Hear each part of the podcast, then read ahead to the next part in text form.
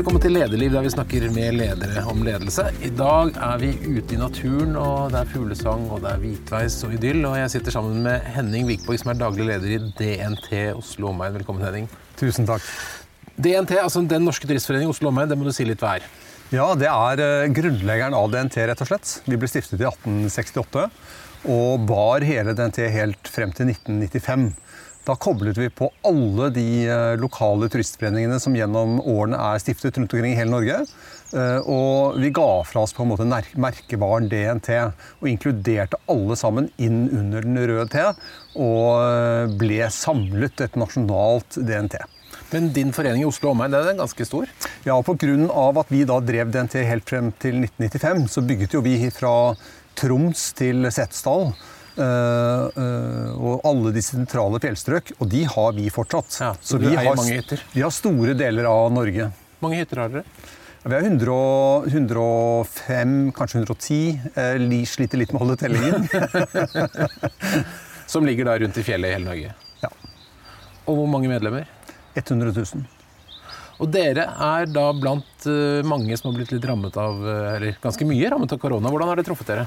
Ja, dette er ganske spennende, for uh, altså, vi sliter fælt. For vi er en hva skal vi kalle det, en reiselivsbedrift, og det er mange ikke klar over. Og vår medlemskontingent utgjør bare en femtedel av de inntektene vi har.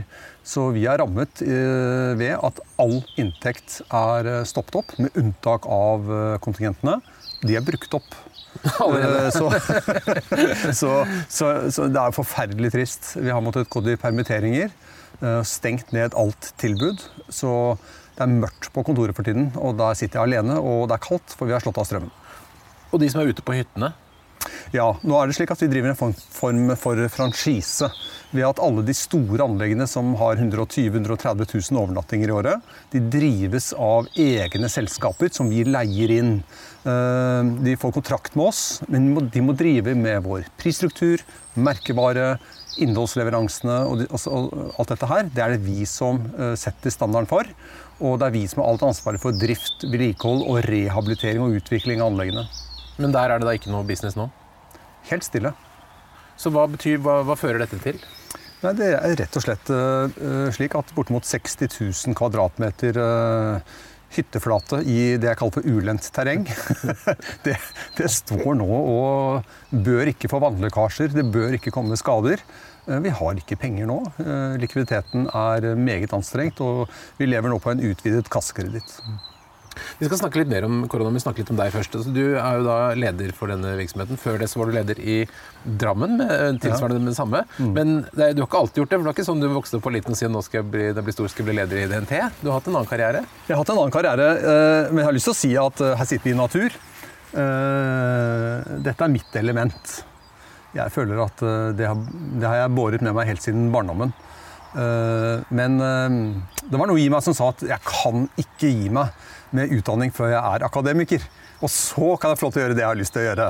Så jeg gikk en runde via jussen og ble advokat. Var, eh, jobbet i eh, påtalemyndigheten i mange år og drev eget advokatfirma. Så kom jeg i 40 Forsvarsadvokat? Ja, forsvarsadvokat. Det er kjempegøy. Det er, eh, jeg tror kanskje at det er noe jeg Hvis jeg skulle si at jeg savner noe, så er det å stå i retten og fronte saker argumentere, uh, finne momentene, uh, krangle for, uh, for, for, et ståsted. Det, det, savner jeg mer egentlig enn klienten i seg selv. Men, men sakene og det å gjøre en jobb gjennom argumentasjon og finne ting, det var gøy, altså. Det er nesten som en kriminalsak hver gang du åpnet dokumentene. Er det noen kjente saker som du jobbet med? Thomas Quick er jo én sak, og jeg jobbet også med Eh, de store gjengkriminalitetene i, eh, i Oslo. Eh, så, og jeg hadde også denne kidnappersaken som du kanskje husker i, i Marokko. Den jenta som ble kidnappet i Marokko. Så jeg, ja, jeg har hatt en del saker som har medført ganske mye eh, mediestorm. Munch-maleriet, Skrik. Ja, så det er en del sånne saker jeg har hatt som eh, har vært morsomme å ha. Og så kom du et punkt hvor du bare ikke ville gjøre det mer? Ja, Eh, jeg følte meg ferdig, men jeg er nok litt sånn utålmodig som type. Og så er jeg veldig opptatt av å skape. Eh, det å få lov til å se eh, produktene man eh, er med på å produsere, det savnet jeg etter hvert som man sto og argumenterte og argumenterte eh, som advokat. Hvor ble det på en måte resultatet? Så når jeg skal gå over pensjonsrekkene og skal snu meg tilbake og tenke hva bidro jeg med? Da hadde jeg behov for noe mer enn bare det å ha gjort en god samfunnsnytte. Eh, da har jeg også kunnet se resultater, og da måtte jeg finne på noe helt annet. Og så ble det DNT. Da ble det DNT. Og det var litt tilfeldig. Jeg, eh, jeg søkte faktisk etter lederjobber i Røde Kors også. Eh, det hadde også vært veldig meningsfullt. Eh, men DNT var faktisk enda hvassere, for der produserer vi ting. Det, det, å skape arenaer som jeg fysisk kan være med å åpne, og ser at mennesker har glede av. Ja, For det fikk du til i Drammen. Ja. Fortell om det. I Drammen så kom jeg til en organisasjon som var flott, ærverdig, gammel, men også gammel i form. Eh, så det var veldig behov for å modernisere det og gjøre det mye mer aktuelt der mennesker bor. Og eh, det var, det var veldig viktig å på en måte vitalisere mulighetene som lå i stedsnære hytter, gjerne som var kommunal eiendom, og spørre hvorfor i all verden driver kommunen eh, med forfall? Når frivillige organisasjoner kan gå inn og gjøre en forskjell og kanskje være med å ta et ansvar sammen med kommunen. Og så fant vi et knippe hytter Eh, som jo bare eksploderte i eh, oppmerksomhet. Og dronningen har vært på besøk, og vi har hatt eh, statsministre på besøk. Så dette har vært, det har vært en utrolig morsom reise å skape aktiviteten nær der mennesker bor. Åpnet kajakklubb. Uh, ja, for dette har det fortsatt med i Oslo? Bygge sentrale eller urbane ting? Ja. ja. Men det vi ser, da, det er at dette DNT-medlemskapet som folk kanskje forbinder litt med fjellet uh, Plutselig så var vi aktuelle også der mennesker bor, slik at man i større grad kunne koble på det å være fysisk aktiv, det å bruke natur. Også noe man gjorde noe mer i hverdagen. Og, og, tenkte på at kvaliteten ved å være ute, sånn som vi gjør nå, vi hører fuglesangen og vi hører høre naturen og, og, og, kjenne på luktene. Uh, dette må vi gjøre oftere, ikke bare på den der drømmen om den turen i sommer. Og Søringa var rett resultat? Ja, og så kom jeg til Oslo og tenkte jeg vi må gjøre det samme her. Og det var en gave som vi fikk, uh, egentlig. Det dukket plutselig opp en mulighet da vi utviklet Oslo by utviklet uh, Sørenga. Så sa kommunen at dette skal kommersielt utnyttes, men vi holder av 500 kvadratmeter der skal det være et eller annet samfunnsnyttig. Og så slet de med å lette etter eh, utstillingslokaler for kunst og de uh, utøvende kunstnere og den type ting, men de fant jo ikke noe som på en måte aktiviserte publikum. Uh, inntil de plutselig kom på hva med DNT? Og så kom vi på banen. Så sa vi at det er klart vi kan skape lokal aktivitet. Vi tok med oss litt erfaring fra Drammen. Tok med oss erfaring fra det å merke og skilte stier i marka. Vi har jo 2200 km med stier i, i, marka, så vi er vant til det bynære. Men nå kan vi plutselig få lov til å være med å binde den blå strukturen. Vannet, aktivitetene med sjø og det grønne i marka. Binde dette mer sammen og skape aktiviteter hver seg, blått, grønt, men også bindeleddene. Så vi er veldig opptatt nå å utvikle dette videre. Når vi har utviklet Søringa, ha stier langs Akerselva, Alnaelva, Lysakerelven. Eh, prøve å binde disse tingene sammen. Er det kontroversielt på en måte at dere gjør så mye i byen? eller er det liksom Ja, er, eh, Kommunen ser på dette som litt problem. Uh, uh, de syns jo det er stas at vi kommer inn og bidrar til at mennesker er i aktivitet. Samtidig som det er ansatte i kommunen som jo har den jobben. Så, så plutselig er man litt i konkurranse med kommunen, og det er nok noen i kommunen som kjenner litt på at oi, her kommer det noen og blander seg inn i våre oppgaver. Uh, vi vil ha våre skilt. Så sier vi i DNT vi nekter å skilte hvis ikke det står DNT på det skiltet. Så, så da kommer det selvfølgelig noen sånne Da kommer advokaten fra og begynner å prosedere litt, da. Ja, men tenk deg alle de frivillige vi har, da. Jeg, jeg kan ikke sende ut mitt korps av frivillige til å henge opp kommunale skilt. Uh, skal vi bruke våre frivillige, og vi er en frivillig organisasjon, så må vi bære identiteten og vise hva vi er med på å skape, og synliggjøre det de frivillige er med på å skape. Og Turistforeningen DNT, det er litt, det er litt trendy? Det er mange som har lyst til å være med? Det er eh, helt utrolig. Du, hvis du ser på idretten i dag, så sliter de med rekrutteringen av frivillige. Frivilligheten dør når barna ikke lenger er aktive. Mens i DNT så er det litt motsatt. Eh, der melder folk seg når barna kanskje er, er ferdige. Eh, og du, og du, som menneske har mer fritid og du har ressurser til liksom å, å, bruke litt tid på andre ting enn deg selv. Da kommer de. Og den vokser i DNT, og vi har en fantastisk dugnadskorps med turledere folk som er ute og gjør dugnad, folk som passer på hyttene våre. Eh, folk som gjennomfører arrangementer. Og vi har også blitt veldig, veldig eh, interessert i å gjøre ting for nye grupper i samfunnet. Eh, Alt fra innvandrere til mennesker som ikke er vant til å gå i natur. Så vi har nesten hver eneste dag turer og arrangementer for mennesker som kanskje ikke er vant til å gå på tur. Og det syns vi er spennende. Og så har det blitt sånn sjekkested også. Ja, men det har vi vært lenge. Jeg husker faktisk Jeg skal være litt personlig, da. Så husker jeg faktisk at eh, jeg var singel her eh, før jeg giftet meg for 30 år siden. Og, eller 20 år siden, eller hva det er. Um, eh, og da, da husker jeg leste kontaktannonsene i Fjell og vidde. Og jeg svarte på én, og hadde date med én. Uh, så singelgreier i DNT, har, har, det har vart lenge. Men det har kommet til et sånn eget symbol. Eh, Det er helt riktig. Men før jeg kom til lua, da. Altså singelturer i DNT, det arrangerer vi fortsatt. Ja. Og de, de turene som blir raskest booket av fellesturer i DNT, det er singelturene.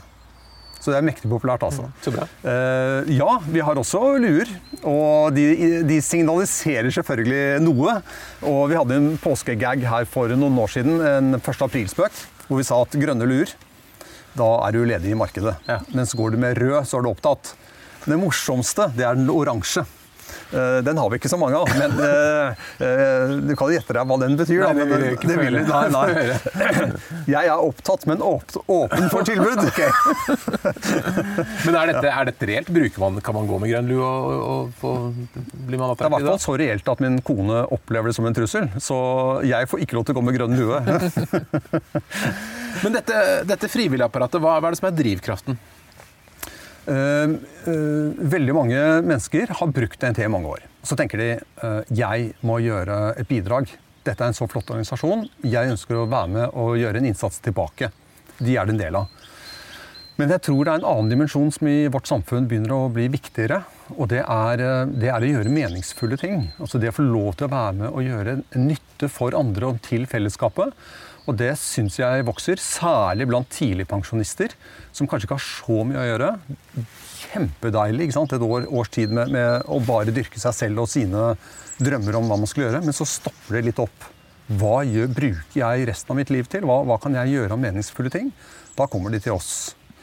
Så mange av dem, eh, Og da har dere, da har dere jobb til alle? eller? mange av dem eh, er på dugnad hver eneste uke. Fantastisk. og samles og ha fine miljøer. Og det er kanskje noe av det vi har koblet på etter at eh, vi snakket om dette med det bynære i sted, dette med å lage steder for aktivitet. Det vi er blitt opptatt av nå, det er hvordan lage steder for sosiale sammenkomster. Hvordan kan vi bygge miljøer hvor folk har det, har det godt med å ha gode miljøer, samtidig som man gjør noe hyggelig og nyttig. Og det viser seg å være, være en bra match. Men det, dere har jo gjort flere ting rundt Oslo, og hvis man da eh, ønsker å eh, holde litt avstand til folk da, nå under koronatiden og har lyst til å eh, oppleve noe, kan du gi et par råd om gode opplevelser som dere kan tilby i nærheten av Oslo? Eh, I disse tider, tenker du på? Ja, altså For det første så vil jeg jo si at uh, uh, det er lurt å titte på ut.no. For på ut.no så har vi virkelig markedsført uh, alt som fins, som folk bør oppdage av ting i sin, sitt nærmiljø. Og da har vi hatt aksjoner i, i, i, i påsken og etter påsken. Veivisere. Og så har vi fått våre frivillige ut på, på utfartsstedene til å eh, vise folk hvor det er fint, hvordan man oppfører seg i natur, med bål og med søppel og den type ting. Uh, og, og det viser seg at det har jo virkelig folk kastet seg over, de bynære uh, stedene. Og uh, istedenfor å ramse opp her, så tror jeg nesten folk må inn og se hva er det rundt der jeg bor. Og uh, i uh, påsken så har vi altså hatt jeg tror det er 70% økning på ut.no for folk som søker. Og da kan vi titte etter hva er det folk ser etter. Og da er det ikke Hardangervidda og Jotunheimen. Det er Oslo som kommer opp på et av de st- viktigste søkeordene. Det er Oslo og nærtur. Og, så det er tydelig at det har vært et enormt behov for å finne nettopp disse spennende stiene i nærheten av der jeg bor. Og det er utrolig mange, som vi har observert, som er ute på tur, kanskje for første gang i sitt nærmiljø. Men når ting nå etter hvert begynner å åpne opp mer, så har dere flere spennende og til dels nye steder rundt byen også? Riktig. Det var kanskje det du var inne på helt innledningsvis i spørsmålet ditt. Og eh, ja, vi har nevnt Sørenga. Vi har bygd opp en lignende arena på, i Ås, eh, innerst i Bunnefjorden. Eh, og vi holder på å bygge opp et nytt kajakksenter i Bærum. I tillegg til det så eh, er vi i sterk utvikling av de bynære hyttene. Vi har 30 hytter og bortimot 30 000 overnattinger i året på, på disse hyttene.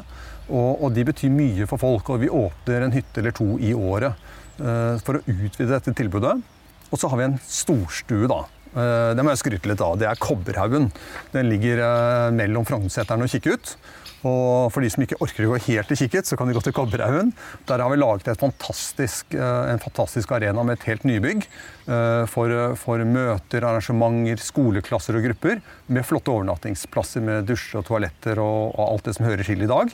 Samtidig som vi har tatt vare på den gamle hytta, som nå er restaurert. og Oslos største peis og storstue, tegnet av en kjent arkitekt som jeg ikke husker navnet på. men, men det, det, altså hele fenomenet med turistforening med, med hytter, og er, man får sin egen nøkkel, man kan gå i fjellet og det kommer til en hytte hvor man kan forsyne seg med mat og drikke og sånn. Hvor unikt er det? Er dette noe helt særnorsk?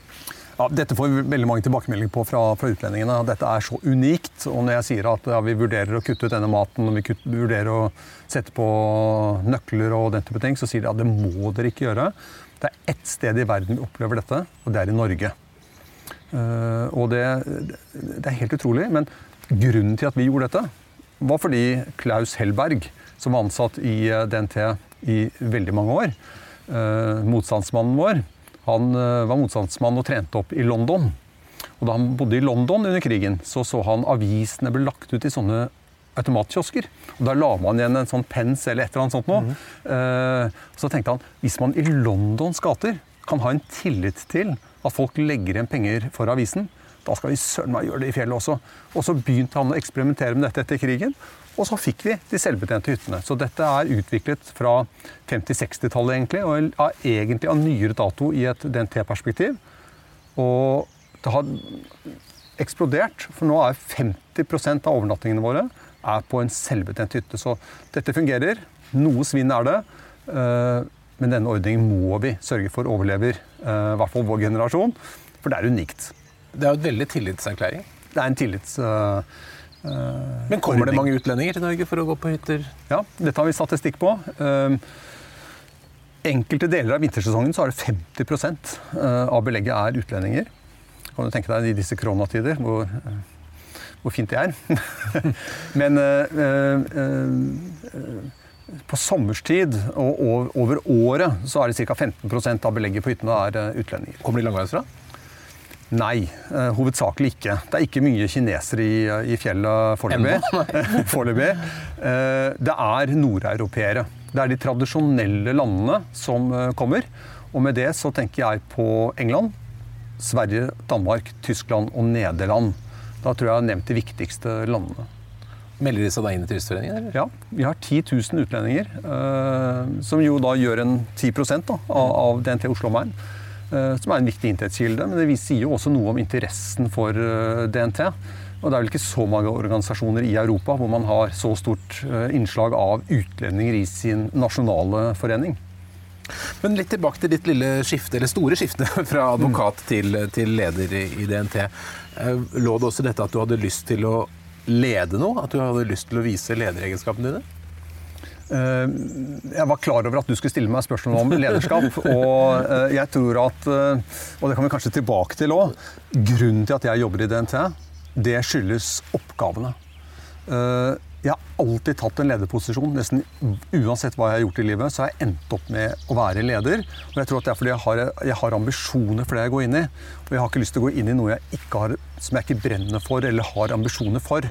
Og da kommer også lederskap og behov for å være leder. Fordi du, du må organisere det du ønsker å skape. Og da kommer jo selvfølgelig lederskapet inn. Men jeg har aldri tatt en jobb fordi jeg alene ønsker å være leder. Eh, det er en, eh, mer en konsekvens av å ønske å skape eh, at man må lede godt. Men da du kom til Du fikk du starte litt i Drammen, og så kom til Oslo, som er den største lokalforeningen. Hadde du noen mm. tanker om hvordan du skulle være som leder? Har du noe, satt noe sånn ideal for deg selv? Ja, det er det er, det, det er, noen ting jeg har tenkt mye på. Jeg vet ikke om det går rett under lederskapstenkning, men uh, skal jeg klare å skape noe i en stor organisasjon, så blir det lite skapt hvis alle ideene skal være basert på meg. Så, så da jeg kom til Oslo, som var en gammel organisasjon hvor det var ganske toppstyrt ovenfra ned, så tenkte jeg hvordan skal jeg få dette til å blomstre? Da gjaldt det å på en måte så inn sine ideer og bygge opp en organisasjon hvor lederne i ledergruppa fikk på en måte fritt spillerom til å få lov til å vokse, komme med forslag, prøve seg frem. Og, og, og se om det var mulig å få kreativiteten i organisasjonen vår til å komme nedenifra. For det var så mange mennesker med kompetanse i foreningen som kanskje ikke fikk utløst sitt skaperpotensial. Og det har vært viktig for meg i lederskapet. Det er å få frem og dyrke frem eh, kreativiteten og eh, opplevelsen av å få lov til å prøve og feile. Men er det en utfordring det at du skal jobbe med en del ansatte og en del frivillige, som sikkert har ulike mål og tanker om det å jobbe? Eh, ja, det er så stor forskjell på det, og det er så stor forventning til eh, en ansatt. Mens du kan på en måte ikke, ha, du kan ikke stille krav på samme måte til en frivillig. Så det er veldig stor forskjell. Jeg har ikke jobbet så mye direkte med de frivillige. Jeg har jobbet gjennom de ansatte for å få det til å vokse. Og gi dem rammer for å kunne dyrke frem frivilligheten. Vi har mer frivillig arbeid i DNT enn vi har administrasjonskraft. Vi har 70 årsverk i administrasjonen 80 årsverk i frivillig arbeid. Men da du, Nå har du hatt en, noen år med masse spennende opptur og lage nye ting og åpne og flere medlemmer og mye mm. suksess. Mm. Og så kommer denne eh, sykdommen som nå mm. plager samfunnet. Når merket dere problemene? Skjønte dere hvor vanskelig det kom til å bli? Dette skjønte vi eh, allerede før jeg dro på ferie i, i slutten av februar. Så var jeg usikker på skal jeg reise eller skal jeg ikke gjøre det. Uh, vi så at her kommer det et problem. Og DNT er veldig sårbare for viruser. Vi hadde denne runden med norovirus i 2018. Eh, som jo ble et kjempeproblem for DNT. For Da måtte dere vaske hytter og sånn? Ja, folk ble dårlige. Det spesielle med noroviruset er at folk ble jo dårlige nokså raskt. slik at det ga jo utslag på hyttene. Eh, vi skjønte jo at dette eh, koronaviruset var av en litt annen karakter. Men uh, akkurat det samme når det gjaldt smittevern. Uh, så vi skjønte at her uh, er det spesielt. Så dere var egentlig godt forberedt? Der, altså? Vi var godt forberedt, og jeg føler at vi har lagt ganske mange gode strategier. Kanskje vi kommer inn på noe av det. men kriseledelse er, er viktig. og noe helt annet enn mer operativ ledelse. ja, ja, fortell om det. Hvordan er det det endret seg? Det å det å på en måte sette krisestab og samle sine ansatte og lukke ned, uh, for så å lage en operativ hverdag, uh, er veldig annerledes. Det er snakk om å bare glemme alt du holder på med. Kast det du har i hendene. Vi har et problem som skal løses. Og det å få organisasjonen til å se dette er alvorlig, legge det til side og få aksept for vi må styre annerledes. Og I dette så er det viktig ikke å skape kaos. Og da er jeg så glad for at vi var tidlig ute. Vi hadde planer før, første, nei, før 12. mars, eh, som var jo en viktig dato i Norge. Uh, og vi hadde allerede tenkt ut hvordan skal vi klare å løse dette på en god måte i en krisesituasjon. Og da ble vi raskt enige om vi kan ikke styre denne butikken fra dag til dag. Så vi tok en tidlig beslutning om at dette er så alvorlig, vi ser noe som nå skjer, som kommer til å få konsekvenser for hele virksomheten i vinter. Og vi bestemte oss umiddelbart i begynnelsen av mars å stenge ned all DNT-aktivitet. Og så prøvde vi å strekke horisonten frem til 1. mai. Og så sa vi 1. mai er alt stengt. Så gjør vi en ny vurdering. Og det har vist seg i ettertid at det å gjøre krisearbeid med litt langtidsplanlegging har gjort at vi har klart å legge gode planer, uh, syns vi. Uh, og klart å forutse ting og klart å skape forståelse i administrasjonen og blant de ansatte om at her er det problemer som kommer til å vedvare. Slik at vi slapp med de tillitsvalgte, vi slapp med de ansatte, og hele tiden holde løpende hva skjer, hva skjer. Satt tidlig i agendaen for at dette kommer til å ta tid. Hvordan, det, hvordan har dette virket på de som da sitter på hytter og har tatt ansvaret for å drive en business i, i, deres, i samarbeid med dere som da ikke får noen kunder?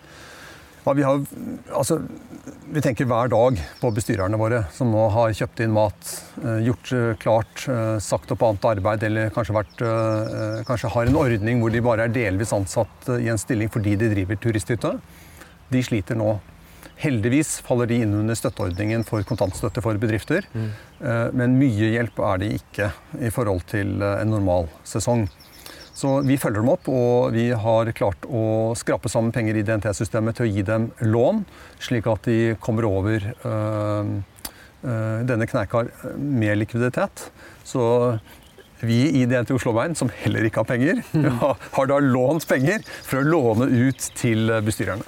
Men det var litt overraskende å høre at dere var så avhengig av disse inntektene. Man ser fortsatt en medlemsorganisasjon med 100 000 medlemmer bare vasser i kontingent. Ja, dette er veldig, veldig uh, greit å forklare, egentlig. Uh, hvis man ser på omsetningen til DNT Oslo Mine, som er på 156 millioner i året, i hvert fall var det det i fjor, Netto eh, kontingentbidrag er 38 millioner. Resten handler om utleie av anleggene våre, inntekter på overnatting på hyttene, arrangementer på 20 millioner, butikken vår og andre arrangementer og kurs. Mm. Så der har du våre inntekter, som er helt avgjørende for vår drift. Så hvordan har da dagene dine sett ut i denne perioden? Og det, det, det, har da vært på dette kalde kontoret som vi var innom eh, innledningsvis. For vi sparer nemlig strøm. Strømkostnader. Eh, så jeg går alene, og jeg har hatt eh, Det er mulig at det er barnslig, men jeg, jeg har sagt at jeg, jeg forlater ikke denne skuta. Eh, så jeg har vært på jobb hver dag eh, og følt at jeg må gå rundt i disse korridorene. Jeg skal styre det herfra. Og jeg har hatt uh, ukentlige videoinformasjonssnutter som jeg sender ut til de ansatte fra lokalene, slik at jeg opplever at jeg ikke har forlatt stedet. så kapteinen har ikke forlatt skuta, nei. Nettopp. Men, men hva, hva, har du gjort? Altså, hva kunne du gjøre med alle disse økonomiske problemene? Sånn? Det er ikke så mye du kan gjøre. Du kan ikke åpne noe. Altså, har det vært mye pengeflytting? Da, altså, her er det viktig å forberede seg. Så fra, fra vi gikk i, i, en krisestab, så kom vi etter noen uker over til at vi kan ikke bare jobbe med krise. Vi må begynne å planlegge hva gjør vi når det begynner å, å, å lette. Og da kom vi frem til at vi må delegere. Vi må, vi må få øh, ordnet det slik at ikke daglig leder sitter og holder på med alle detaljene. Vi laget en handlingsplan på seks punkter. Uh, på de seks punktene så laget vi hva er målene våre, og hva er tiltakene.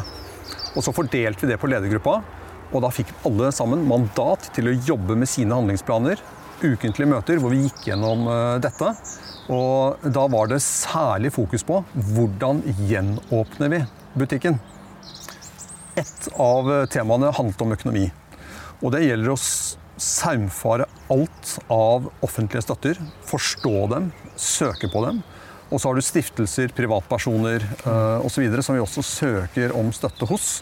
Og vi tjener også noe kroner på, på, prosjekter, så vi søker prosjektstøtte rundt omkring. Og har brukt mye tid på det. Har dette vært uh, verre enn du trodde? Uh, jeg forsto ganske raskt alvoret. Uh, jeg fikk vondt, og jeg ble emosjonell og var litt på gråten. og Eh, jeg er egentlig litt det nå. Eh, så det er veldig, veldig vondt. Eh, jeg drives av å skape. Og så ser jeg at det som er skapt, lider. Og det, det gjør meg vondt. Du er også glad i å være på tur. Får du som, altså ofte daglige ledere som driver butikk, butikkjede, de sier ofte at de er mye ute i butikken. Sånn, rekker du å komme deg ut du, når, du, når, det ikke er korona? Får du vært ute og sett alle disse fine stiene og hyttene og alle disse tingene? Altså, jeg er veldig privilegert som får reist en del rundt i Norge. Og jeg har vel vært mer rundt enn de fleste. Mange av de hundre og et eller annet hyttene har du vært på? Ja, det vet jeg ikke. Jeg har kanskje en 70% Men jeg har ikke vært på alle hyttene. Og det er kanskje litt flaut, men, men eh, jeg syns ikke det er veldig viktig. Det som er viktig, er å forstå driften vår og forstå utfordringene. Være der hvor vi bruker mye penger. Besøke bestyrerne våre. Eh, men det aller viktigste er jo at jeg har ledere som tar det ansvaret og som styrer det, slik at jeg er ute og kjenner på eh, hvordan ting fungerer. Slik at jeg kan gå inn og spille lederne bedre ved å stille spørsmål, være med i diskusjonene og forstå hva det dreier seg om. Det er mitt fokus når jeg reiser rundt. Det er å, å touche innpå hvor det er utbygging, hvor det bør være rehabilitering, hvor fungerer ikke eh, tilbudet så godt som det kanskje burde. Eh, så det har jeg fokus på. Jeg, jeg kunne selvfølgelig ha brukt mer av tiden min til å gå rundt og titte og, og se. Men det gjør jeg ikke. Jeg er mye mer på kontoret enn folk skulle tro. Eh, og i disse koronatider så, så er jeg nesten så jeg er litt irritert over alle nyhetsoppslagene hvor alle som er ute på tur, mm -hmm. og som kjeder seg og ikke har noe å gjøre. Mens noen andre av oss vi jobber jo vettet av oss for å få dette til å gå rundt, og er ikke ute. Du var med på 71 grader nord også for operasjonen. Ja. Fortell litt om hvordan det gikk. Og det var faktisk en drøm jeg hadde. Jeg tenkte at det der skal jeg vinne. Så der skal jeg huke. Eh, så plutselig så tenkte jeg nei, jeg søker, jeg blir med. Og så ble jeg med i 2012. Eh, og det gikk ganske bra, og det var ganske moro. altså. Hver dag så fikk du et nytt oppdrag ferdig tilrettelagt for deg. Og så var vi på randonee-tur i uh, Sunnmørsalpene. Opp til Skåråshallen, et fantastisk sted. Uh, og ned derfra så skulle vi stå på ski. Og det viste seg at folk kunne jo ikke stå på ski. Uh, og jeg er gammel skiinstruktør og ble litt sånn småirritert. Så jeg tok sekken til en annen person og hadde 40-50 kilo på, på ryggen. og litt kjekkas og ble litt sliten. Og så falt jeg. Og så fikk jeg en av sekkene over huet og knakk nakken. Uh, og det var dramatisk. Jeg skjønte med en gang at noe var galt. Hørte lyden, strålte ned i armen. Uh, tenkte at Henning, nå har du gjort det. Og klarte ikke å bevege meg. Og det er ikke så bra å brekke nakken?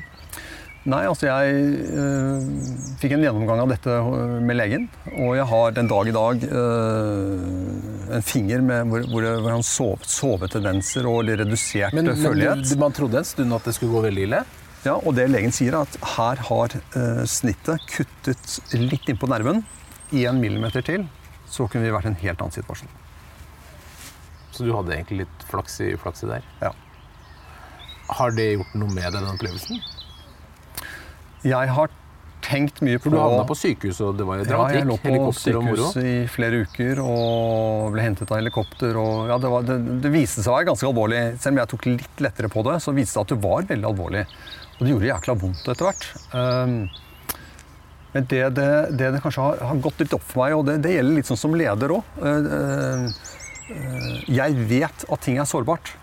Ting kan gå ordentlig gærent. Og, og det kanskje hjalp meg også litt med den koronakrisen. Altså, ting går veldig fort over til å bli skandale. Og det å vite liksom, at verden er ikke bunnsolid, det kan være greit å ta med seg. Og hele tiden være litt årvåken for ting kan skje. Og hva er min plan da, og hva gjør jeg? Uh, jeg tenker at jeg har lært litt at uh, plutselig så er jeg ikke så heldig lenger. Nå går jo denne situasjonen antageligvis over, og det lettes opp, og dere får kanskje en, en ok høst, da får vi håpe på i, i, DNT. Men tror du at Sommer, tror jeg vi skal sommer. si. Det er da vi tjener ja. pengene. ok, En god sommer, og god høst. Ja. Det er jo det, det jeg overbevist håper blir bra. Mm. Men tror du at uh, dette kan ha gjort noe med uh, som, som, kommer til å få effekt liksom, i større format senere? Kommer det til å endre nordmenns holdning til eh, det å gå på tur, det å være i Norge, det å være hjemme? Ser dere for dere at det kan bli et sånt paradigmeskift for dere? Jeg tror vi var mye innom eh, dette med eh, det nærfriluftslivet i sted. Jeg tror at folk kommer til å åpne øynene litt opp for å være fysisk aktive i natur. Da syns jeg faktisk vi har fått noe veldig positivt ut av det. Nemlig at folk er flinke til å bevege seg. Man må ikke på et treningssenter for å komme seg i form. Man kan bruke naturen. Mye flottere, mye mer opplevelse og mye mer avkobling. Eh, men jeg tror også at eh, hvis vi nå får en sommer hvor folk er litt tvunget til å reise i eget land, det er å se hvor fantastiske muligheter det er i Norge. Og hvor mye det er å oppleve. Eh, det syns jeg hadde vært fantastisk hvis denne sommeren som nå kommer, gjør at folk våkner litt og tenker fy søren så fint det er i eget land. Og legger igjen litt kroner i reiselivsbedrifter og styrker norsk næringsliv på dette området. Uh, slik at det ikke bare er japanere og kinesere og, og sånn som nå overtar uh, dette. La nordmenn selv oppleve Norge. Uh, det fortjener de. Hvis det kommer en ung person til deg og vil bli leder, sier Henning jeg vil bli sånn sjef sånn som deg, hva er de tre viktigste rådene du vil gi til en som vil bli en god leder? Her er det sikkert flere skoler. Eh, jeg, jeg, mener at du blir aldri en god leder hvis du ikke brenner for eh, det du ønsker å skape. Så jeg, jeg synes jo Det første måtte være at du må aldri bli leder innenfor et foretak eller en virksomhet som ikke du brenner for. Eh, da kan du være så god leder du vil. De ansatte er helt avhengig av at lederen brenner for det man holder på med, og har troverdighet for det som skal skapes. Eh, og det andre jeg tror er fryktelig viktig, det er hvordan vi som mennesker eh, vil så mye. Og så klarer vi kanskje ikke alltid å kommunisere det til våre ansatte. Det kan aldri kommuniseres for mye til våre ansatte. Vi går rundt og tenker og planlegger og har, har ting ganske klart i hodet vårt og syns ting er ganske selvsagt. Men de ansatte har ikke nødvendigvis vært med på disse diskusjonene. Så det å bringe ideer og tanker må også drøftes og inkluderes hos de ansatte, sånn at de forstår hva vi holder på med. Det tror jeg eh, er utrolig viktig. Det tredje punktet det, eh, det handler om ledergruppa. Eh, jeg har i mange år hatt veldig sans for de som er enige med meg. Jeg har etter hvert skjønt at det ikke er så smart. Og det, det å gjøre en god rekrutteringsprosess med å få inn mennesker som ikke nødvendigvis er helt annerledes enn deg, men som er som tør å stille spørsmålstegn med retning og beslutninger, og som er med på å bidra til argumenter inn i diskusjonen før man tar beslutningene, og at det er en bred argumentasjon, det er utrolig viktig. Så rekrutteringen av litt ulike typer som bidrar til at ledergruppa får veiet momentene på gode måter og, og kreativt før man tar beslutninger, det er jeg veldig opptatt av. Vil du til slutt gi noe eh, godt friluftsråd i, eller noen gode råd i nærområdet rundt Oslo f.eks. Hva man skal prøve å få med seg i sommer? Åh, da har jeg aller først lyst til å si at drømmen min, som jeg gjør altfor lite, det er, det er, i hverdagen. Så en tirsdag. Ferdig med møtene tidlig, ja, kanskje ved lunsjtider. Stikk til skogs. Ta en tur til en av DNT-hyttene. Dra inn på en selvbetjent hytte Lag deg en herlig biff eller en god salat eller noe god mat. ikke sant? Og et glass rødvin eller et eller annet. Og så er du på hyttetur med peisbål og koser deg. Og så stikker du på jobben dagen etterpå. Det der må flere prøve på. Den der opplevelsen av virkelig instant naturopplevelse. Og tilbake til hverdagen. Og når det kommer til sommeren, så vil jeg tenkt hvordan kan jeg legge opp til noe som gjør at jeg har tid til å ha tid? Eh, hvordan kan jeg skape litt tid for meg selv til å få lov til å tenke ferdig tanker? Få lov til å la tanker komme og gå uten at jeg tenker på den der krangelen jeg hadde på jobben eller problemet jeg har hjemme. For det slipper etter en par-tre dager. så slipper dette, Og så kommer andre tanker inn. Kreativitet, tanker, ting som har ligget latent der. Det er så verdifullt. Så hvis man kan bruke naturen med sanseopplevelsene og det å få lov til å være seg selv over noe tid, tenker jeg bruk sommeren til å lage en tur som går over noen dager. Eh, så Dette er kanskje den perfekte sommer til det? Så, ja, det kan det være. Så om det er i marka eller i fjellet, spiller ikke så stor rolle, så lenge man er i natur. Ikke møter for mange. Det var en god avslutning. Henning Vikborg, tusen takk for at du kom til Lederliv. Bare hyggelig. Lederliv er en podkast fra Apeland. Redaksjonen består av Ellen Paulsen, Lars Jarle Melum, Lars Volden og meg, som heter Ole Kristian Apeland. Hvis du vil høre mer, så trykk abonner. Da får du varsel når det kommer nye episoder. Og hvis du har noen tips, så send en e-post til tips at eller til meg, ole. Takk for at du lytter.